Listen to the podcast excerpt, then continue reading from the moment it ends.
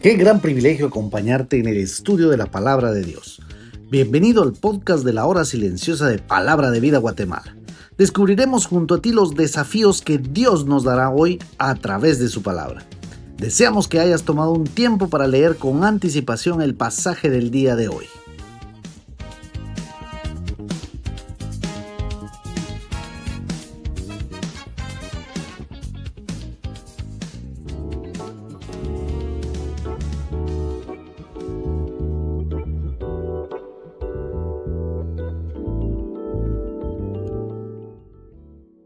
Qué bueno es saludarlos nuevamente en el comentario de la hora silenciosa de palabra de vida. Hoy estamos en Nehemías capítulo 7 versículos del 1 al 7. El proyecto de la reconstrucción del muro había terminado. Comenzó en los últimos días de julio y continuó todo agosto y también parte de septiembre. Luego que el muro fue edificado y colocadas las puertas, dice el versículo 1 Además de reparar los muros, los judíos también reconstruyeron las puertas. La última parte del proyecto fue dejar colocadas estas puertas. Las murallas han sido terminadas, pero el costo había sido alto. Amenazas externas y traiciones internas. Por eso ahora Nehemías decide actuar con tres medidas necesarias para conservar la santidad de la ciudad. La primera de ellas fue designar a levitas y cantores como guardias de la ciudad. Eh, así dice eh, el versículo 1 de la lectura del día de hoy. ¿Por qué levitas para funcionar como guardias? Los levitas eran los custodios oficiales del templo. Entonces para Nehemías Jerusalén es como una ciudad santa, comparada como un gran templo. Anani era hermano de Nehemías. Él le había informado de los problemas de Jerusalén, de la desolación de Jerusalén, dice en el capítulo 1 y verso 2. Por su parte, Ananías, varón de, de verdad y temeroso de Dios, dice el verso 2, tenía convicciones espirituales muy profundas. Por lo tanto, sabiendo que estaba rodeado de enemigos, Nehemías ordenó a, a Anani su hermano y Ananías que tomaran medidas de seguridad.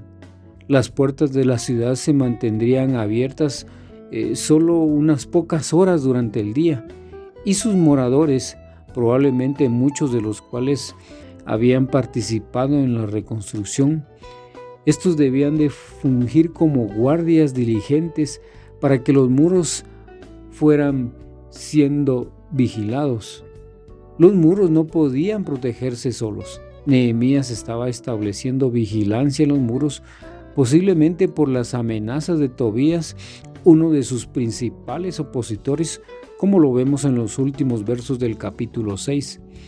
El perímetro de Jerusalén era muy grande. Los muros cerraban el mismo espacio de antes, pero la mayor parte estaba en desolación, pues no se habían edificado muchas casas, dice el verso 4.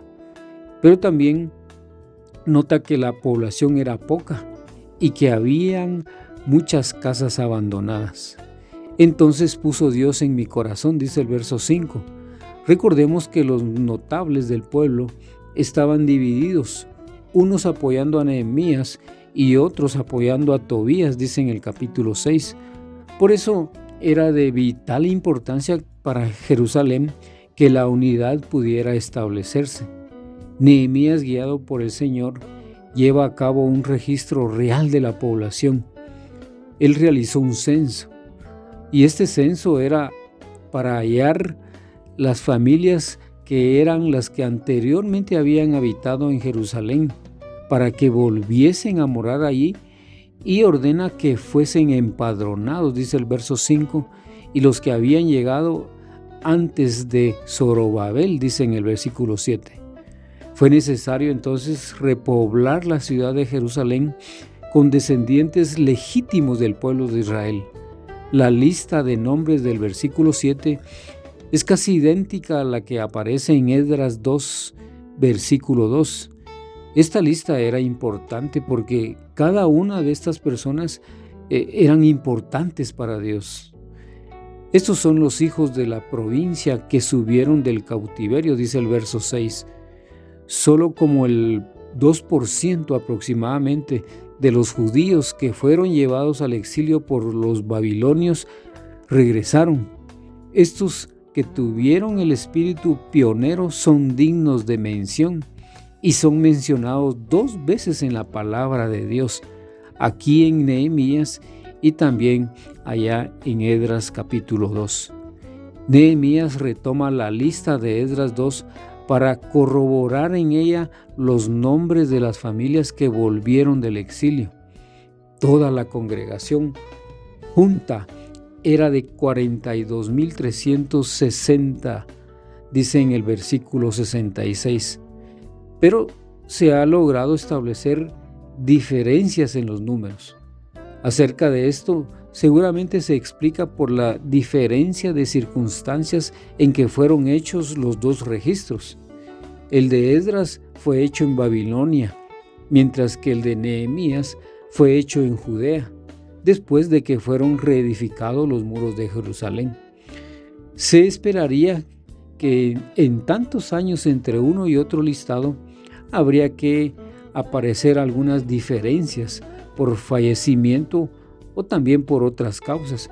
Por ejemplo, que alguna persona, según la costumbre judía, sea llamada por nombres diferentes. De esta manera, Harif, que dice en el versículo 24, es la misma persona que Jorá en Esdras 2.18. De cualquier manera, nuestra fe y nuestra esperanza no están basadas en nombres, en números, en genealogías o cronologías, sino en las grandes verdades de la palabra y del Evangelio. Por eso, vívelo. No tenemos ninguna duda que Nehemías tenía un compromiso y lo cumplió. A pesar de muchas adversidades, su convicción lo llevó a cumplir su gran compromiso que era una gran causa. El temor provocado por sus adversarios no le nubló la visión. Siempre dependió del Señor. Mi Dios puso en mi corazón, dijo Nehemías. Nota que los adversarios que enfrenta Nehemías son de afuera, pero también de su propio pueblo. ¿Quiénes hacen más daño a la santidad de la iglesia? ¿Los ataques de sus enemigos de afuera o el antitestimonio de los de adentro. Mi nombre es Carlos Bog y como siempre esperamos que esta palabra de Dios cumpla sus propósitos en tu vida. Bendiciones.